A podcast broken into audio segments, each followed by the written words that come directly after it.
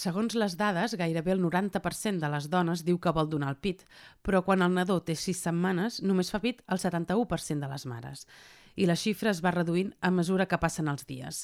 Quan el nadó té 6 mesos, fa pit el 47% de les mares i només el 28% fa lactància materna exclusiva aquests primers 6 mesos de vida del nadó, que és el temps recomanat de fer-ne com a mínim. Menys del 30%, doncs. Més enllà de qui no fa pit perquè no ho vol, entre les que sí que volen donar el pit, què ho fa que ho deixin estar? Amb quines dificultats es troben? I com ha de ser una lactància reeixida? A vegades el context no hi ajuda. Hi ha poc coneixement dels sanitaris, que més donen informacions contradictòries, poc suport de l'entorn més proper i, evidentment, un sistema que no facilita gens, al contrari, que empenya a deixar la lactància com més aviat millor perquè la mare torni a la roda productiva sinó que algú ens expliqui com es pot fer una lactància materna exclusiva durant els primers sis mesos de vida de la criatura si el permís de maternitat o de cura del nadó dura 16 setmanes, és a dir, 3 mesos i 20 dies. Aquest és un moment en què moltes mares deixen el pit, tot i que voldrien continuar-ne fent. Diuen que la lactància té dos moments complicats, el començament i el final. En parlarem en aquest programa amb la Judit Vilà, que és assessora de lactància i infermera a la unitat d'atenció a la dona i l'infant de l'Hospital Universitari de Vic. A més, és mare de dues criatures, la segona va néixer fa poques setmanes, de manera que ho té força present tot això com ens preparem per la lactància, no tan sols les mares, sinó també la parella, la família, els sanitaris. Si les primeres hores del naixement són les més importants, com s'ha de fer perquè funcioni bé? Cada quan ha de mamar, quanta estona, què és una crisi de lactància i quan arriba? Què experimenta la mare aquestes primeres hores? És normal que ens facin mal els mugrons quan la criatura mama? Com s'ha de col·locar el nadó perquè la presa sigui òptima? Tenim moltíssimes qüestions per posar damunt la taula, ja ho veieu. També totes aquelles que tenen a veure amb el deslletament, que és un altre procés que pot ser complicat i que molt sovint es viu de manera força solitària. És possible deixar de donar el pit de manera respectuosa? Com podem acompanyar la mare i la criatura en aquest final d'etapa? Això és Aimara i de seguida posem fil a l'agulla. Mm.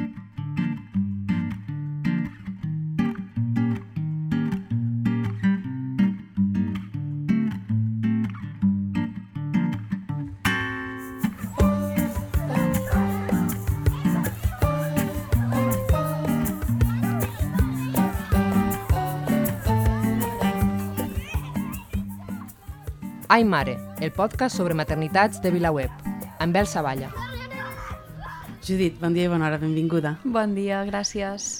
Dèiem que ets infermera i assessora de lactància. Um, com va anar la cosa? És a dir, per què i quan vas començar a formar-te com, a, com a assessora de lactància? Uh mhm. -huh. Jo, bé, sóc infermera des del 2015. Uh, vaig començar a treballar de seguida a la unitat de dona i l'infant Uh, el que passa que sí que és cert que durant la carrera mm, tenim poca formació pel que fa a la lactància. Llavors el que acabes aprenent és la part pràctica que, que vius el dia a dia de l'hospital, que t'ensenyen les, les teves companyes i companys.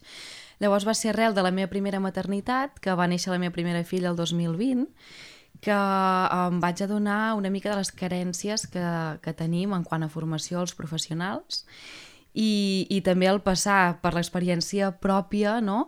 em vaig sentir fins i tot una mica uh, enganyada de, de no saber algunes coses pel que fa a la lactància, que m'estava trobant en aquell moment amb la meva filla, i també això em va portar a pensar quina era l'atenció que jo estava oferint a les mares no? i quins dèficits tenia. I a partir d'aquí vaig pensar, bueno, mm, com puc formar-me per millorar aquesta atenció? El primer pas va ser fer-me assessora de lactància que és una formació accessible a, a qualsevol persona, no hi ha un requisit previ de que hagis de ser una professió sanitària ni cap cosa d'aquestes. I a partir d'aquí, bueno, després ja, ja no vaig poder parar, no? perquè vaig descobrir que era una mica com referent a la maternitat, el que més m'apassionava i que és un món tan extens que no podries acabar de, de formar-te mai i sobretot d'actualitzar-te també. I ara recentment, l'última fita que he aconseguit va ser el setembre, em vaig presentar l'examen d'IBCLC, que és consultora de lactància certificada, que és reconeguda per un organisme internacional, i des del gener d'aquest any que, que tinc l'acreditació. Que aquesta acreditació sí que és per sanitaris, no? Has de tenir coneixements... Has de tenir una formació sanitària uh -huh. uh, sí, has de tenir formació sanitària, el que passa que si no la tens hi pots accedir cursant unes assignatures uh, sanitàries, vull dir, no has d'haver cursat no has de pertànyer a una professió sanitària 100%, sinó que hi ha altres vies d'accedir-hi. Ara m'has fet pensar que, que un dia llegia una pediatra que explicava no? que també li va passar això, que quan, quan sobretot arran de la seva maternitat, explicava que ella durant tota la carrera no? ningú li havia parlat de, de lactància i per tant mm, ens trobem que si no, si no és gent com ara tu que que decideix fer-ho pel seu compte, no? Pots uh, fer una carrera relacionada fins i tot amb l'atenció a la dona uh -huh. i, i no tenir cap coneixement de, de lactància, que això després les dones quan, quan són als hospitals s'ho troben, no? Sobretot amb, sí.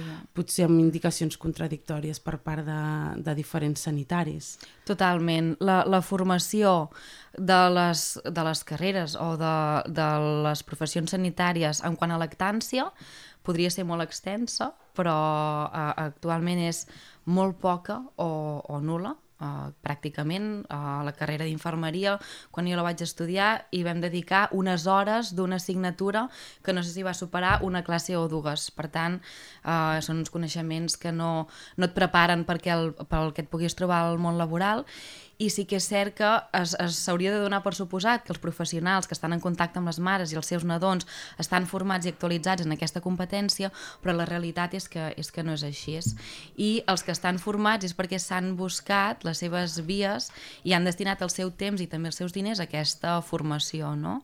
Uh, a més, l'atenció la, a, a les mares, als nadons, a la lactància, també és, és molt vocacional i penso que també uh, moltes uh, professionals ens hem decidit formar arrel de veure que és necessari a través de quan hem passat per la nostra maternitat, per experiències properes o que realment hem vist que al lloc on estem treballant hi ha aquest, aquesta manca de, de formació. I tu, que ara a, a, ets formada, explica'ns una mica com ens hauríem de preparar per, per a la lactància. No sé, jo recordo, per exemple, que, que vaig llegir molt uh, no? durant l'embaràs de lactància, però igualment després quan t'hi trobes et passen un munt de coses i potser mm. no estem mai prou preparades. Tu com recomanaries de fer una bona preparació en el cas de les dones que volen fer, volen fer lactància? Sí, és, és interessant el, el que dius de, que vas llegir molt durant el teu embaràs perquè sí que és cert que durant l'embaràs de vegades es posa molt el focus en el part, no? en el, en el mm. moment del, del part, perquè ho veiem com el gran dia, no? Però el part en realitat dura un, unes hores, uh, un, uns dies, però després ve el postpart, que ja en si és bastant desconegut, i aquí també s'inclou la lactància. Per tant, durant l'embaràs és un molt bon moment per començar a preparar la lactància.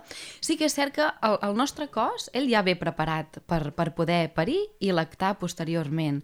Per tant, biològicament nosaltres ja estem preparades, no? Aquesta preparació uh, és una mica més en quant a, a empoderar-nos, en creure'ns de veritat que, que podem alletar les nostres criatures i recuperar una mica aquesta part instintiva que, que hem perdut al llarg de, dels anys. Com ens podríem preparar per la lactància? Doncs eh, a nivell físic no cal fer res, el nostre cos ja ens ho proporciona tot, per tant això és molt fàcil, però sí que llegir la informació és, és poder, que diuen, i és totalment cert, llegir sobre lactància, sobre què ens podem trobar, sobre les primeres hores de, del nadó, els primers dies... Um, també és interessant poder veure a altres mares alletar, que a vegades aquí és on veus l'experiència, el que expliquen... Uh, uh, normalment no tothom... Uh, o sigui, no tothom té pròxim persones de referència que hagi vist alletar Uh, Clar, nosaltres no ho hem vist, diguéssim, no? Clar. Al, al um, nostre entorn, a la família, a les exacte, mares... Exacte, vivim no? en famílies ara molt mhm. nuclears, molt petites, i no, no hem vist a, a altres dones allà tal. Llavors, poder assistir a grups de, de postpart, ja durant l'embaràs, mhm. -huh. relacionar-te amb altres dones que ja estan en el, aquest postpart, que ja estan allatant, és molt interessant. I, exacte, tot el que sigui llegir, uh, informar-te. I també mm, saber tenir recursos, tenir professionals localitzats de...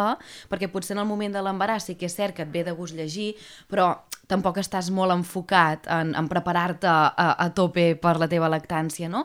Però tenir recursos, saber on anar a trucar a la porta, si quan t'hi trobis ho necessites, és una bona manera també de, de preparar-te. Ara deies, mm, saber com, com són les primeres hores de, del nadó, que això potser ens, ens servirà per saber com, com, com hem de lletar. Com són aquestes primeres hores de, del nadó? I també mm -hmm. què li pot passar, què, què li passa al cos de la mare, no? aquestes primeres hores després d'haver parit? Sí, uh, el, el moment del naixement és un moment transcendental per la vida de la mare i també de, del nadó, i també com es produeix aquest naixement pot, pot influenciar en, en com serà aquesta lactància les, les properes hores.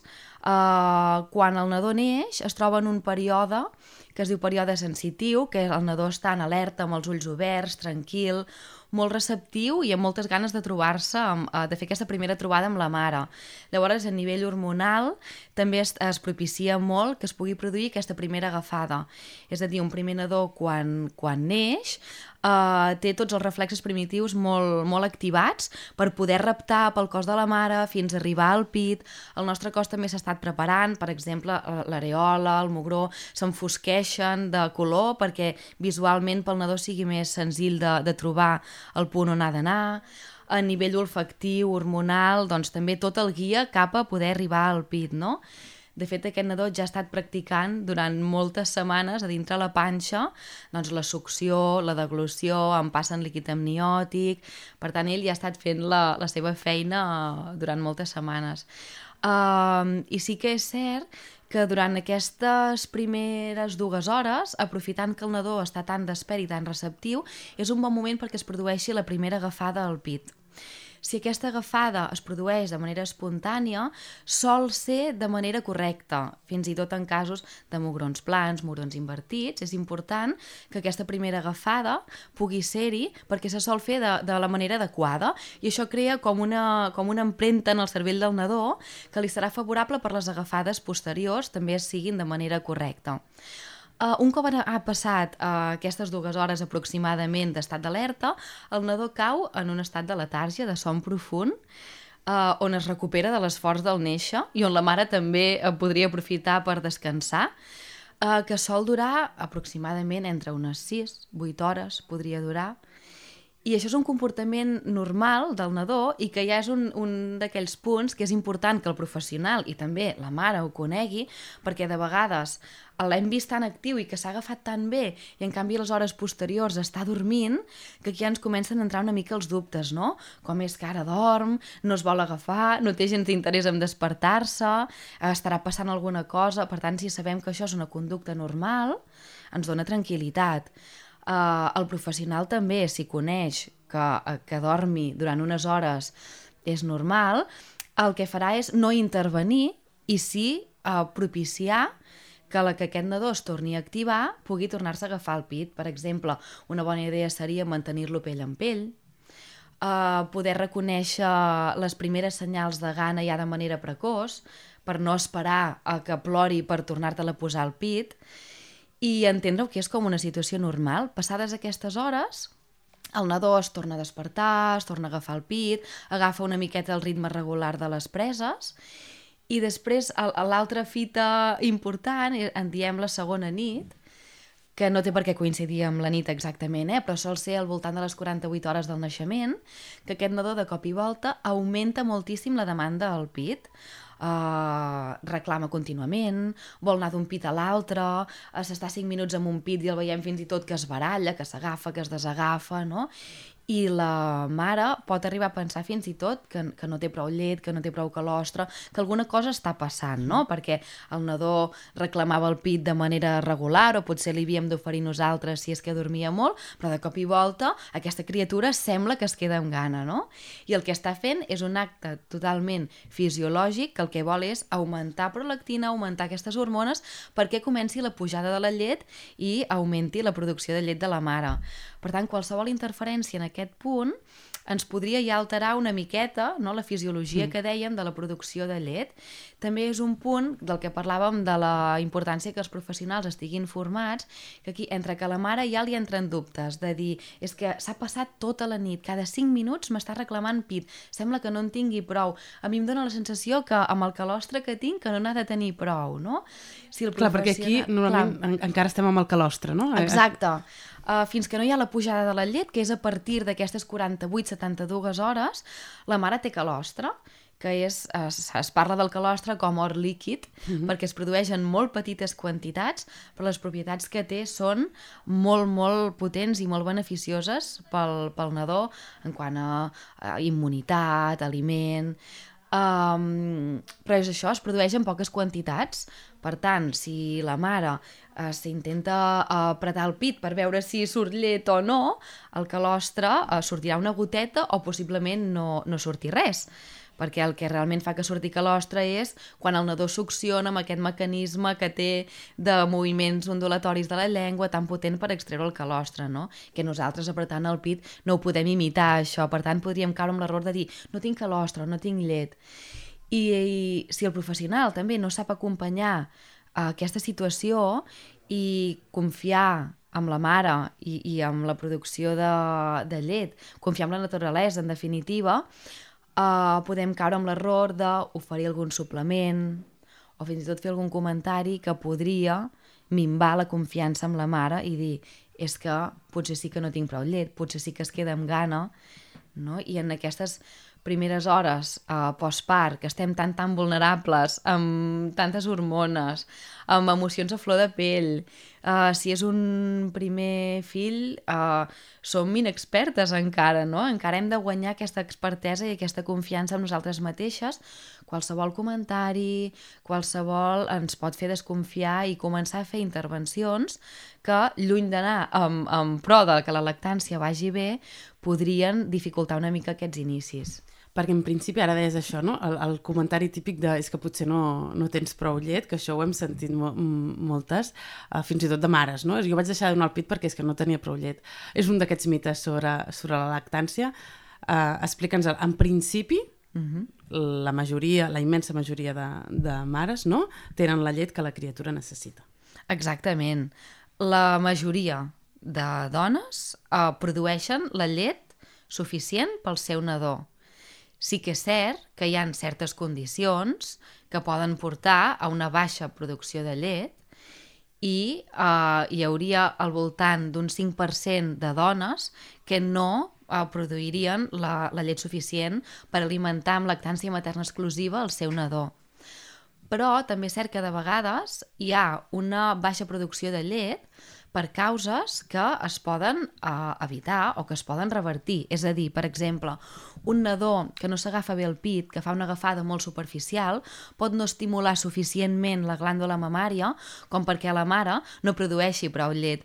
Però això no vol dir que la mare no sigui capaç de produir prou llet pel seu nadó, sinó que s'ha de solucionar primer aquesta causa perquè això pugui funcionar, no? Per tant, és important veure com, no? com això entenc que és com posa la boca la cria, el nadó al, en el pit i com, com succiona, intentar mm -hmm. eh, col·locar-lo d'alguna manera perquè, perquè produeixi més llet? Exacte, l'agafada, la, o sigui, hi han diversos uh, factors que tenen a veure amb que l'agafada sigui correcta.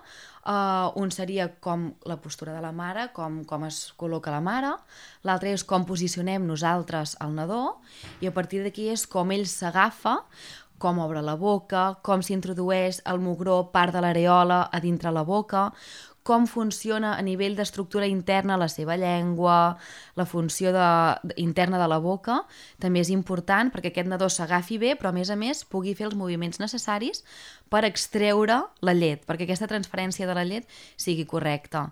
Llavors també eh, s'ha de, de batllar perquè aquesta agafada pugui ser-hi. També és cert el que parlàvem ara de falta de referents, que com que no hem vist alletar i el que hem vist de vegades a nivell de, de publicitat, de televisions, de pel·lícula que veiem una mare que, que alleta, no? veiem molt la postura de, de, de donar el biberó, que és el nadó molt tirat amunt, amb el cap quasi bé que arriba al colze, una posició que si intentem que el nadó s'agafi el pit d'aquesta manera, probablement no farà una agafada profunda, sinó que estarà una agafada molt superficial, que causarà dolor i portarà problemes posteriors. Uh, per tant, uh, és això, l'agafada la, al pit ha de ser correcta i els professionals també han de vetllar perquè així ho sigui. Quan l'agafada no sol ser correcta, els primers símptomes que, que sol donar és dolor. Dolor d'una banda que expressa la mare, uh -huh. que aquí també tenim un altre dels mites, no? de que alletar mm, pot fer dolor i alletar no hauria de fer dolor i ens ho hem de creure com a mares i també com a professionals, ni una mica ni al principi, ni molt, ni poc, ni al final. Però no? a vegades et trobes, no? Eh, eh, Ets allà al, a l'habitació de l'hospital i dius em fa mal i la llevadora o la infermera et diuen és que és normal que et Clar, faci mal, exacte, hi ha aquesta creença de que, de que els nostres mugrons potser no estan preparats per alletar, no? I que s'han de curtir. I, quan, I això es, es diu encara, i això fa, fa molt mal perquè uh, quan una lactància fa dolor, aquest dolor sol ser molt dolor i a més a més és un dolor que s'aguanta perquè com que jo com a mare vull alletar el meu fill i, i, i vull el, el millor per ell, doncs aguanto aquest dolor, mm, costi el que costi, i, i el normalitzem, i, o només me'n fa una mica, no? I després arriben les famoses clivelles, ja tenim ferides, i aquesta lactància es complica. Hi han dones que expliquen um, que només sentir el seu fill que reclamava una altra vegada el pit, ploraven de dir, és que em fa, molt de, em fa tant dolor posar-me'l al pit que només el sento que ja té gana i, i ja em venen tots els mals perquè sé que ara passaré dolor, no? I la, una de les primeres causes de quan hi ha dolor aquests primers dies és una mala agafada. Per tant, simplement corregint aquesta agafada, a vegades amb quatre coses molt bàsiques, aquest dolor millora o desapareix. També pot haver-hi dolor, doncs, perquè el que parlàvem, no? l'estructura de, de, interna de la boca anatòmicament del nadó, eh, que és quan parlem a vegades de franells eh, limitants, també s'ha de revisar, no? no només corregint l'agafada, a vegades el, el dolor millora, però també hi ha altres coses a, a revisar. I ara penso, per exemple, mugroneres o altres mm, suports que a vegades s'ofereixen per, per mirar que això, que faci menys mal o tot, a vegades ho fan, mm, pro- proposen amb l'intenció no? de, mm, de que, que si aquella dona realment vol, vol donar el pit, que no, que no ho deixi, no? Mm -hmm. Les mogroneres són un recurs més, però no són una solució definitiva. És a dir, quan, quan tenim eh, algun problema que fa que aquest nadó no s'agafi bé al pit, de vegades la col·locació de mogroneres, quan ja s'han esgotat altres recursos, eh, pot ser útil per, perquè el nadó s'agafi bé d'una banda i mantingui la producció de llet i també perquè aquesta mare eh, no tingui dolor durant les preses. El que passa que les mogroneres s'haurien de veure com un recurs temporal, com un pagat que posem a l'espera de solucionar aquesta la causa principal que està causant aquest dolor o aquest problema amb la, amb la lactància. No? Llavors, s'haurien de posar com amb data de caducitat, que això implica una revisió de si el problema s'està solucionant i de fer un pla per poder retirar aquestes mogroneres. Sí que és cert que de vegades hi han dones que fan tota la seva lactància, duri el que duri, fins i tot dones que porten 18 mesos alletant amb mogroneres. Si elles hi estan còmodes, el seu nadó està feliç, augmenta bé de pes i tothom està conforme i content, endavant, no? Si una cosa funciona, no l'hem de tocar, perquè llavors correm el risc d'espatllar-la però quan posem unes mogroneres o quan s'indica uh, també qualsevol altra, per exemple, una suplementació amb, mm. amb llet de la mare o amb llet artificial, quan es, es fan altres accions, són mm, pagats, que ens estaran molt útils per un, deter, per un determinat període de temps, però ens hem d'oblidar d'intentar corregir la causa principal i si aquesta causa es corregeix, Uh, molt probablement puguem eliminar aquests factors que hem inclòs per poder passar aquesta, aquesta primera etapa Està bé que ho diguis, no? Perquè, és a dir, és això que dius tu, no? Mm, Són temporals, però tampoc no cal demonitzar-los, no? És a dir, no passa res Exacte. si durant un temps, eh, normalment sol ser al principi, però no sé si sempre, una mare necessita una moronera o s'ha de fer una suplementació perquè això, de- deies eh, el tema del pes, és una cosa que preocupa molt, no? Quan, quan tens una criatura, les primeres setmanes sobretot, aquells controls de pes que vagi augmentant i de seguida que s'estanca, eh, segurament la infermera pediàtrica de torn recomanarà fer una suplementació. Exacte. El pes és una cosa que preocupa molt a les mares i també preocupa molt als professionals. Sí que és cert que és un dels indicadors que, que diu que, que el nadó s'està alimentant correctament i s'està desenvolupant bé, però uh, tampoc ens hi hem d'obsessionar, a no ser que partim que hi hagin uns factors de risc o unes condicions que ens indiquin uns controls de pesos més exhaustius, potser, no? Però un nadó, quan neix, el que s'espera és que durant els pròxims 3-4 mm, dies perdi pes i el que farem és vetllar perquè aquesta pèrdua de pes uh, sigui la, la fisiològica, no, no passi d'un tant per cent uh, que sol ser al voltant d'un 10%, que aquí ja seria un dels motius que s'hauria d'iniciar, per exemple, una suplementació, en primer lloc amb llet de la mare, i si no és possible, amb, amb llet de fórmula. I sí que quan no s'augmenta de pes de la manera esperada, hauríem com de tirar endarrere i començar a buscar les causes i començar a dir, val, per què aquest nadó no està augmentant de pes? De vegades sol començar per lo més simple, no? Anem a veure una presa al pit, què està mm. passant, com s'està agafant, com és l'agafada, com és la transferència de llet. I això ja ens pot donar molta informació de per què el nadó no està augmentant de pes com s'esperaria, no? També, de vegades, eh, buscar eh, com ha estat aquest l'embaràs, com ha estat el part, com ha estat els primers dies del nadó, també ens pot aportar molta informació. Quan alguna d'aquestes co coses falla i el nadó no augmenta eh, de pes com s'esperaria, és eh, quan es pot plantejar alguna suplementació o com parlàvem ara, no? si hi ha dolor, de posar unes mogroneres, fins que eh, se solucioni la causa principal. Ara m'has fet pensar, quan dius això, veure com s'agafa el pit, que segurament és una cosa que, que s'hauria de fer més sovint, que és quan, quan vas a la, a la visita no? el, a, amb, amb el pediatre o amb la infermera, um, et demanin això, posa-te'l al pit i a veure com s'agafa. Que no sé si passa prou sovint, això. Passa, però passa menys del que potser hauria de, de passar, no? És a dir, qualsevol mare que dona llum i, i es decideix per una lactància materna, uh, uh, uh, durant les primeres hores, 48 hores, per posar alguna data, uh, hauria d'haver-hi una valoració per, per part d'algun professional de com és a, aquesta agafada i també perquè la mare pugui resoldre els dubtes que tingui, uh, sensacions, si té una mica de dolor, si hi ha qualsevol cosa, no? Per molt que haguem llegit el que dèiem, per molt que ens informem durant l'embaràs, fins que no ens trobem uh, amb el nostre nadó en braços i que ens hem de col·locar al pit, de vegades la majoria de dubtes no, no surten. Llavors sí que és important que la mare tingui un professional accessible per poder resoldre uh, aquests dubtes, o encara que sigui una lactància, que està anant bé, que no hi ha dolor, que el nadó augmenta de pes i que tot va correctament, uh, de vegades també necessites no, resoldre um, d'altres coses.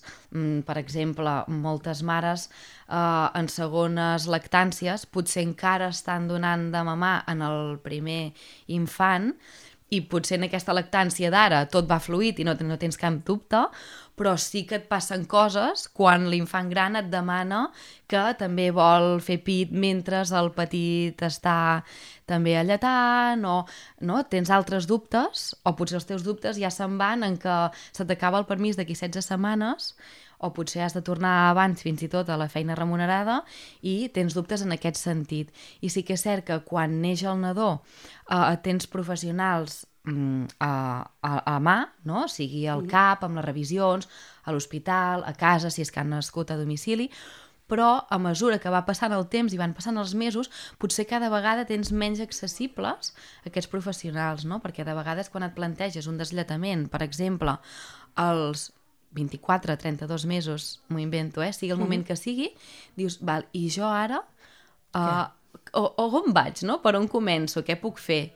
Sí que és cert que moltes vegades on acabes trobant els recursos és més en l'àmbit privat, no? a nivell d'assessores de lactància privades o en grups de suport que també poden ser voluntaris, en experiència d'altres mares, en aplicacions de salut molt potents pel que fa a lactància, que sort qui són i que són molt accessibles i et donen moltíssima informació. Clar, clar, és, és, realment és dir, et planteges deslletar i dius què, què faig, no? Vaig a, a, internet i busco deslletament i a veure clar. com carai es comença a fer un deslletament, no? Perquè no, és un altre moment, no? Diuen que hi ha com els dos moments aquests més crítics, que és al principi i al final, mm -hmm. i aquest mhm. deslletament també pot ser molt, molt crític perquè si no saps com, com posar-t'hi, no? Com... Suposo que també deu caldre una mica de suport perquè això una, la, la mare sola no sé si, si és fàcil que ho faci, no? Sí, el deslletament sol ser un dels altres punts una mica complicats o que t'avala una mica a, a les mares, uh, fins i tot mares que han tingut un inici de la lactància fluid i sense complicacions, diuen a vegades és més difícil al final que, que a l'inici, no? Um, sí que és cert que, per exemple, el deslletament natural, el que fa la criatura mica en mica, paulatinament, seria aquest que parlem de que uh, va restant tomes sense quasi bé donar-se'n, a vegades la mare diu ara no sé mm, quantes hores fa o quants dies fa que no em demana pit, o li ofereixes i va perdent l'interès mica en mica, aquest desletament se sol produir a partir dels 2-3 anys de vida fins als 7. Per tant, no sol ser el més habitual perquè el desletament eh, se sol produir pel sigui pel motiu que sigui, per necessitat de la mare o no tant per necessitat de la mare, sinó per necessitats que es veu obligada, exacte, uh, la mare per la societat on vivim que no està pensada perquè les mares ho tinguin fàcil per portar l'alletament fins on elles vulguin, no? de vegades, a nivell laboral, però també de, de pressió social, de... Uh, doncs quan hi ha aquest deslletament, uh, sí que és cert que les mares és un altre punt que solen buscar una mica d'orientació professional. I mm, també és, és cert, ara també se m'acudeix dir una mica que uh, com que hem perdut, ens hem desconnectat tant del nostre instint, no? des de l'inici de la lactància, però també al final, sembla que necessitem també uh, fer un, un màster de, de tot, no? Em plantejo deslletar, val, vaig a formar-me. I de vegades també convidaria molt a escoltar l'instint de cada mare què necessito jo, què necessita el meu nadó, què necessitem com a família i a partir d'aquí què podem fer. Però sí que és cert que uh, solem buscar no, una mica la teoria que ell diu o uh, un professional que estigui format i em pugui acompanyar amb el deslletament, a part que ens dona seguretat, també ens pot donar recursos que facin que aquest, aquesta etapa sigui més senzilla. Uh, llavors sí, sol ser un, un moment una mica complicat perquè si és un deslletament guiat per la mare, uh, l'infant el que sol expressar és que no hi està d'acord. I aquí també remou molt a, ni a nivell emocional, uh, perquè potser fins ara el, el PIT ens ha servit molt també de, de crear vincle, d'aquests moments amb el nostre nadó, a part de que és aliment, no? però també és moltes altres coses, i de vegades les mares pensem, si deixem el PIT, això s'acabarà, o haurem d'aprendre a, a fomentar aquest vincle i a consolar el nostre nadó d'una altra manera que a priori a vegades ens espanta, no? Però és com tot, llançar-nos a la piscina, fer-ho de la millor manera possible, que segurament és la millor manera que ho podem fer, i s'aprèn a acompanyar des d'una altra vessant i d'una altra manera. I quan, I quan es parla del deslletament respectuós, exactament a, a què es refereix, perquè és això que deies tu, normalment la criatura, tret que sigui un deslletament natural, perquè la criatura el va deixant, mm -hmm. no hi estarà d'acord i per tant es queixarà, no? Sí. El des...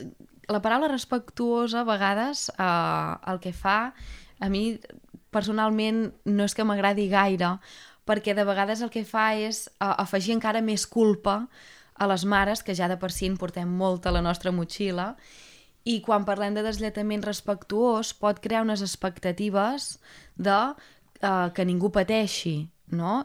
I, evidentment, no volem ni que la mare ni el nadó pateixin, però és el que dèiem, uh, quan el deslletament el guiem nosaltres, mm, un total, parcial, només de dia, només de nit, però eh, li estarem dient al nostre infant que a partir d'ara hi haurà unes tomes a totes les preses de pit que no farem i que acompanyarem d'una altra manera. I no podem caure amb l'error que la paraula respectuosa vulgui dir que el nostre infant estarà d'acord, que no plorarà i que tot serà flors i violes, sinó que és esperable i és normal que el nostre infant eh, expressi inconformitat, també perquè segurament ho estem fent amb unes edats que tampoc és capaç d'entendre uh, una explicació molt elaborada del per què a partir d'ara uh, no hi haurà més teta. O a la nit, quan el sol s'amagui i surti la lluna, no hi haurà teta, no? Això potser ho poden entendre a partir dels 3 anys, però amb, a través de contes, de jocs, de... però abans tampoc eh, té massa sentit donar gaires explicacions. Llavors, un deslletament respectuós, des de la meva manera d'entendre, és aquell que s'acompanya al nadó eh, d'una altra manera, eh, però hem d'entendre que potser plorarà per expressar la seva inconformitat, no? No, no, és que jo estic acostumat a que si em desperto mitjanit em torno a dormir uh, amb el pit de la mare, amb l'escalfor de la mare, i ara avui m'estàs dient que no. I, per tant, és esperable que uh, plori o no es vulgui dormir d'una altra manera i que els primers dies no sigui fàcil. Això vol dir que l'hem de deixar plorar? No, si plau. O sigui, l'hem d'acompanyar d'una altra manera el podem agafar en braços, cantar cançons, fer carícies, fins i tot, a vegades amb els desllataments a la nit, sobretot el que se sol fer és el mètode pare, uh -huh. uh, pare, um, parella, persona escollida, qui sigui, no? que és que quan, quan es desperta durant la nit reclamant uh, pit, uh, qui se n'encarrega és el pare, de, de sostenir uh, aquests despertars això no vol dir que també la, la parella pugui fer un acompanyament totalment respectuós a aquest plor o aquest malestar o aquesta inconformitat que expressi, que expressi l'infant, no? El que dèiem, doncs, abraçant, eh, cantant una cançó, fent carícies, posant paraules també al que li passa, encara que parlem de nadons petits que no comprenen encara el llenguatge, però posar paraules al que està passant és molt important i ajuda també a l'adult que ho acompanya a, a canalitzar una mica aquestes emocions que també ens remou el veure el nostre infant queixar-se i saber que no li podem donar el que en, en aquell moment està reclamant. I què en penses del deslletament nocturn? És a dir, perquè em sembla, segurament moltes mares opten per començar per això, no? Segurament perquè vols dormir. Um, però no sé jo si pot enviar missatges contradictoris a la criatura que durant el dia sí que pugui fer pit i durant la nit no. Això, no sé si deu ser encara més complicat o un procés més llarg si fas només aquest deslletament parcial. Mm -hmm. Aquí hi ha dues coses molt interessants que has dit i la primera no, és que a vegades associem una mica la creença que hi ha spoiler, és un mite, no? que deixar eh, el pit de nit farà que l'infant dormi més. Quasi bé m'atreviria a dir que es podria ser el contrari, perquè la llet materna, eh, d'entre les seves moltes propietats, també en té de que eh, té una propietat com sedant que fa que el nadó eh, s'adormi i el son sigui més continuat a banda de que, per exemple, eh, pràctiques com el collit poden facilitar el descans tant de la mare com, com del nadó, no? Llavors, partint d'aquest mite de que deslletar el nadó eh, farà que dormi més, igual que afegir cereals al biberó, també és un, és altre, un altre mite, mite eh? no? que uh, empatxonar-lo abans d'anar a dormir farà que dormi més. Tot això són mites que s'han d'anar desmuntant i que venen molt de creença popular, però que també a nivell professional de vegades, de manera conscient o inconscient, els alimentem, perquè és el que dèiem, no? Uh, si tu expresses a la consulta del pediatre, per exemple, que el teu infant d'un any i mig es desperta cada dues hores per mamar, uh, potser el consell que rebràs és doncs, treu-li la teta de nit, no? i dormirà més. Vull dir que de vegades com a, com a professionals també alimentem aquests mites per manca de, de formació i el que hauríem de fer és el contrari, no? Uh, si no és explicar que, que és un comportament normal i donar pautes perquè la mare pugui trobar dintre de la seva situació la, la manera que se senti còmoda i, i pugui no arribar a estats de cansament extrems que de vegades és el que ens porta a plantejar un deslletament. De vegades la, la manca de suport, la manca de conciliació real, Uh, a més a més, hem d'atendre una criatura que potser es fa molts despertars de la nit i si el que vol és tornar-se a dormir amb el nostre pit, fa que siguem només nosaltres qui pugui atendre'l i per tant anem sumant un cansament que quan arribem a un punt que no podem més diem, val, vull desletar de nit, no? Doncs entenent ja de la base de que treure el pit a la nit segurament uh, no farà que es desperti menys, o a partir de l'any, que és quan se sol considerar que els infants no necessiten o no necessitarien uh, el pit de nit per alimentar-se, si per altres necessitats doncs, més efectives, no? però en quant per alimentar-se a partir de l'any podríem dir que és el moment que aquestes tomes nocturnes uh, no serien per, per alimentació, um, treure el pit a partir d'aquí sí que és cert que uh, l'infant ho solen entendre bastant bé, és a dir, em ho deies, no? Uh, es poden confondre, els pot uh, fer embolicar una mica que de dia hi hagi pit, de nit no. Uh, ells en, entenen i s'adapten al que nosaltres uh, oferim. Llavors, si s'ha decidit de fer un deslletament nocturn, és esperable que els primers uh, dies siguin complicats, l'infant reclamarà durant la nit perquè és el que està acostumat, però sí que és cert que hem de confiar en la seva capacitat d'adaptació i bastant aviat, no, no immediat, però de vegades més ràpid del que ens esperàvem, s'adapten i entenen perfectament que durant unes hores no hi ha pit i que al matí n'hi torna a haver. Quan més gran és l'infant, més fàcil ho pot entendre perquè poden entrar en joc altres recursos, no? el que dèiem, explicar contes o dir quan hi ha la lluna o quan és clar, quan és fosc, però encara que siguin més petits i no puguem encara explicar-ho amb aquests recursos, se solen adaptar bastant i, i ho entenen. Sí que és cert que de vegades es diu perquè hi hagi un deslletament hi ha d'haver un gran compromís per part de la mare o de, de la família perquè de vegades caiem en la tentació de uh, és que porta molta estona clar, clar. El manifestant la, malestar ràpida, no? i tornem, no? Llavors mm. això sí que a vegades el, uh, si decidim que no hi ha pit de nit però uh, ah, de cop i volta l'infant es posa malalt, que sol ser típic, no? Iniciem un procés de deslletament i ara l'infant es posa malalt, per tant reclama més, té més necessitats d'estar amb la mare, més pit, potser com que es troba malament no menja tant durant el dia, per tant veiem com la necessitat de que pugui fer pit de nit i, i de fet no passa res si iniciem un deslletament i al cap d'uns dies mm, tornem endarrere després quan torni a estar el moment ja ho tornarem a tirar endavant perquè fer aquest pas de deslletar requereix un gran compromís i si no estem 100% segures no ho viurem uh, no ho viurem bé, no ho viurem des de la tranquil·litat i encara ens afegirà més culpa en aquesta motxilla que, que dèiem que ja la portem habitualment prou, prou plena. I ara parlant del deslletament, tu ho esmentaves, uh, moltes vegades sol coincidir amb la tornada a la feina, no? perquè bé, és, és una mica incompatible, diguéssim, i se sol parlar de la crisi d'aquesta dels tres mesos, que no sé si, la crisi de lactància, no sé si té a veure amb, amb això o què és, perquè se'n parla de la crisi de lactància dels tres mesos i de moltes altres, no? Um, quines crisis són les més destacades o les més importants o les que poden fer que si no hi ha un bon acompanyament acabis deixant el pit tot i no voler-ho? Sí, el, el que comentaves que cap als 3-4 mesos, en quant a taxes de manteniment de lactància materna, se sol veure que el, el percentatge de dones que alleta de manera exclusiva als 3-4 mesos sol baixar de manera important i torna a haver-hi un descens bastant important als 6 mesos. I la, la, alguna de les causes que podria haver-hi perquè baixi tant les estadístiques al voltant dels 3-4 mesos, una podria ser la reincorporació al, al món laboral, a la feina remunerada de la, de la mare, tot i que sí que és cert que amb, amb un bon acompanyament no hauria de suposar un deslletament si és que la mare no ho desitja, ni, ni molt menys, però l'altre motiu podria ser que al voltant dels 3 mesos hi ha una crisi de lactància que eh, de vegades és de les que sol ser més delicada, perquè passen moltes coses a la vegada.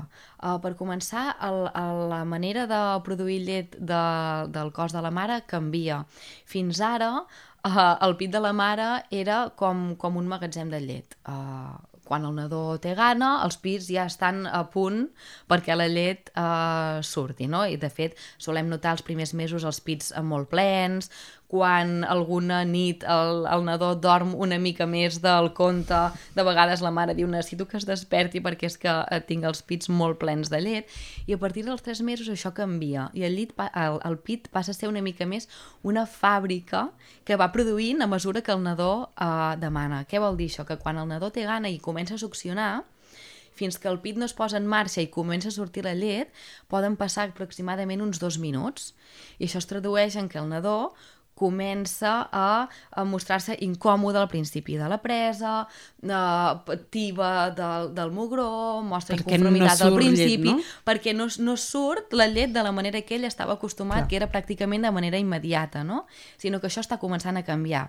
També als tres mesos eh, el nadó ja és un expert uh, mamant i ens trobem que si fins ara uh, podia tardar 30-40 minuts a fer una presa, ara en 5 minuts ja en té prou i la mare diu, és que ara no menja, no? fa unes preses molt curtes, a més a més jo no em noto els pits tan plens de llet i a més a més és que aquest nadó està començant a descobrir el món i que tot és molt interessant i per tant vol mirar a tot arreu i vol fer de tot menys estar pel, pel que hauria d'estar, que és per estar mamant, no?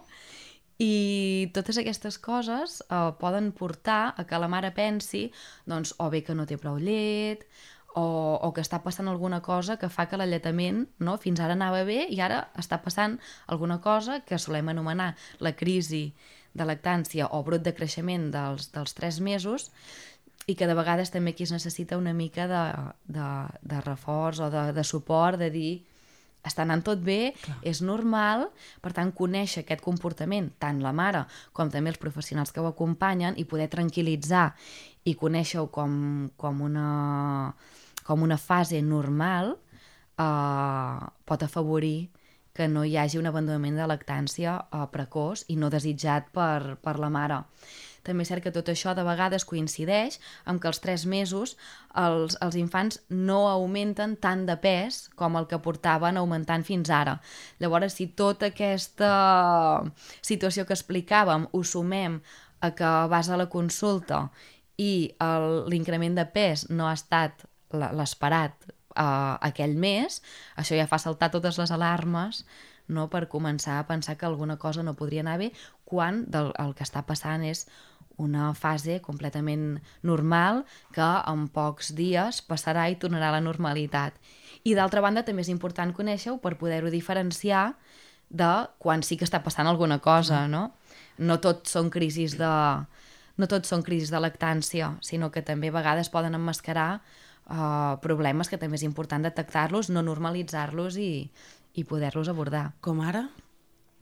Doncs, per exemple, se m'acudeix, per lligar-ho una miqueta amb aquesta edat que ara parlàvem dels 3 mesos, de vegades en, en nadons que tenen anquiloglòsia, a franells linguals que limiten la mobilitat de la llengua, el, el cos de les dones és, és tan increïble i és tan intel·ligent que el que fa aquestes primeres setmanes és compensar que hi ha aquest eh, dèficit d'estimulació del pit o que no s'estimula de manera correcta, doncs el cos respon eh, fent una hiperproducció de llet.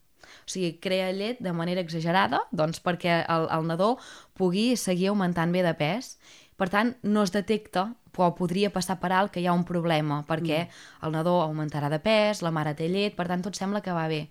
Però a partir dels 3 mesos, com que parlàvem que canvia una miqueta el sistema de producció de llet, aquí és on, de vegades, aquestes uh, anquiloglòsies o aquests problemes uh, que no s'han detectat fins ara, podrien detectar-se, perquè aquí és on es veu que no augmenta bé de pes o que alguna cosa està passant. No? Fins ara la lactància eh, anava bé a expenses de que el cos de la mare havia compensat aquest problema que hi havia. I a partir dels 3 mesos aquest problema sol sortir a la, a la llum. I ara m'has fet pensar també en, en les ingurgitacions o la mastitis, que a vegades se'n parla molt al principi, uh -huh. però que a vegades cap a aquesta edat, no? cap als 3-4 mesos, també en poden aparèixer per, per això, perquè mm, si la criatura està molt distreta o fa menys o mama menys, a, a, a tu se t'acumula, diguéssim, la llet uh -huh. i pot arribar a, a fer algun problema. Quina és la diferència entre això, entre les ingurgitacions i la mastitis i com s'hauria de tractar? Sí, eh, són conceptes diferents. Uh -huh. La ingurgitació sí que és cert que es, se sol donar al, al principi de la lactància, eh, quan hi ha la pujada de la llet, a, les, a partir de les 48-72 hores sol ser una, una pujada de la llet que els pits és cert que es, noten més plens, més turgents, es veuen més les venes, es- pot haver-hi sensació de- d'escalfor. això seria una pujada de la llet fisiològica i normal, però de vegades hi ha algunes causes que poden fer que aquesta pujada de la llet sigui patològica i hi hagi un, una ingurgitació de, del pit, que seria una acumulació de, de líquids, un, un edema bastant important als pits, que poden dificultar la sortida de la llet i poden dificultar que el nadó pugui extreure bé aquesta llet. Algunes de les causes d'ingurgitació podria ser que s'hagi separat la mare del nadó durant les primeres hores i el pit no hagi pogut eh, buidar-se eh, de manera correcta, eh, o bé que la mare hagi rebut, per exemple, molts líquids en el moment de, del part, parts molt llargs o intervinguts que s'administra a serum endovenós, poden eh, afavorir que hi hagi aquestes ingurgitacions més patològiques uh, o que el nadó no buidi, uh, no, no sigui capaç de drenar bé la llet del pit, faria que s'acumulés aquest líquid i això fos incòmode. És diferent d'una mastitis, una mastitis es pot donar en qualsevol moment de la lactància, al principi, al final, durant el deslletament, i, i aquí sí que uh, al, al voltant del de, que dèiem, no? De, uh, de fets que suposin, per exemple, una reincorporació a la feina, eh, que el nadó no vull dir bé el pit, mm, que la mare, per exemple, hagi estat amb un tractament antibiòtic, que pot fer canviar una miqueta la microbiota... Són situacions que podrien uh, afavorir una mastitis, però sí que s'ha de diferenciar, la ingurgitació seria uh, aquesta pujada de la llet exagerada que es pot dur, es pot trobar els primers dies, en canvi la mastitis es pot donar en qualsevol punt de la lactància i cursa amb símptomes diferents, que seria eh, dolor a la lletà, una zona del pit pot estar envermellida i aquí hi ha d'haver-hi una valoració per part d'un professional mèdic sol ser perquè la majoria de vegades, a part d'altres mesures, es necessita pautar un tractament antibiòtic. Clar. I ara pensava també, i que a vegades et recomanen, no sé quan sol passar això, quan potser és quan el nadó no, no buida prou, que recomanen doncs, això de fer els massatges aquests i anar com mm, buidant o desfent aquests nusos que a vegades eh, s'acumulen en, en zones del, del pit. Això quan passa? Sí, de, doncs de vegades, eh, exacte, en el moment de pujada de la, de la llet, eh, com que tenim el pit tan ple, eh, pot ser que si no hi ha una bona agafada al pit, hi hagi zones, hi hagi conductes de llet que no es buidin del tot i ho podem notar perquè són zones més endurides, eh, podem notar algun bony i una manera de... La, la manera principal de resoldre això seria revisar aquesta agafada del nadó al pit perquè ell mateix sigui capaç de fer el, el, el buidament de manera adequada, però també podem ajudar una mica fent massatge a aquesta zona per evitar que hi hagi una obstrucció, per exemple. Una obstrucció seria quan hi ha una acumulació de llet en un conducte i queda estancat allà. Ara, escoltant-te, pensava que la conclusió de desplegat és que la majoria de sanitaris haurien de tenir aquesta formació, no? perquè les mares estiguin molt més acompanyades del que em sembla que, que actualment actualment estan. Um, Judit, no sé si vols afegir alguna cosa, jo crec que hem tractat més o menys tots els temes, podríem estar hores parlant de lactància, sí. però no sé si per, per acabar vols, vols fer algun comentari d'algun tema que no, que no hàgim tractat.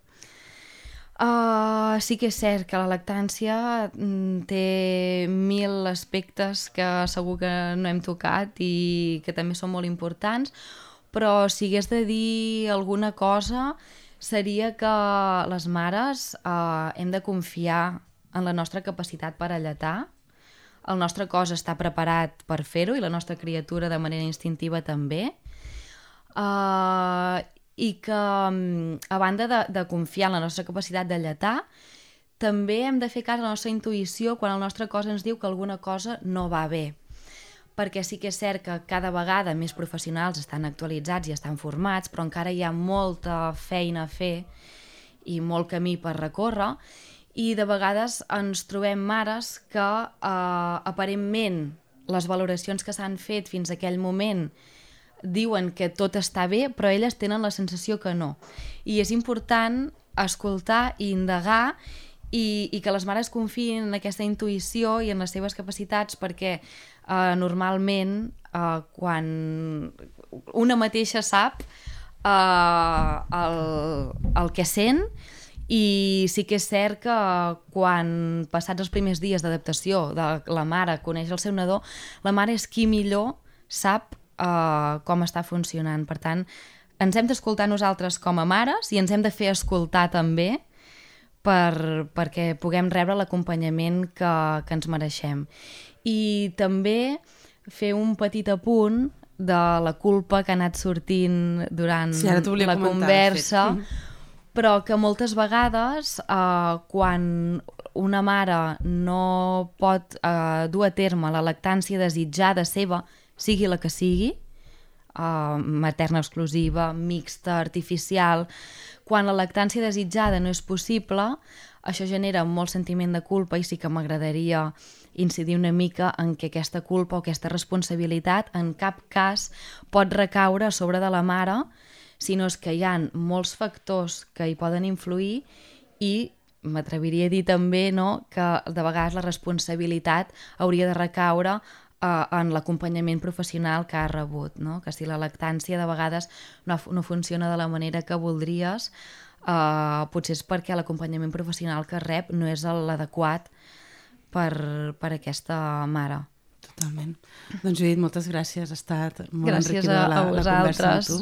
Que vagi molt bé, una abraçada.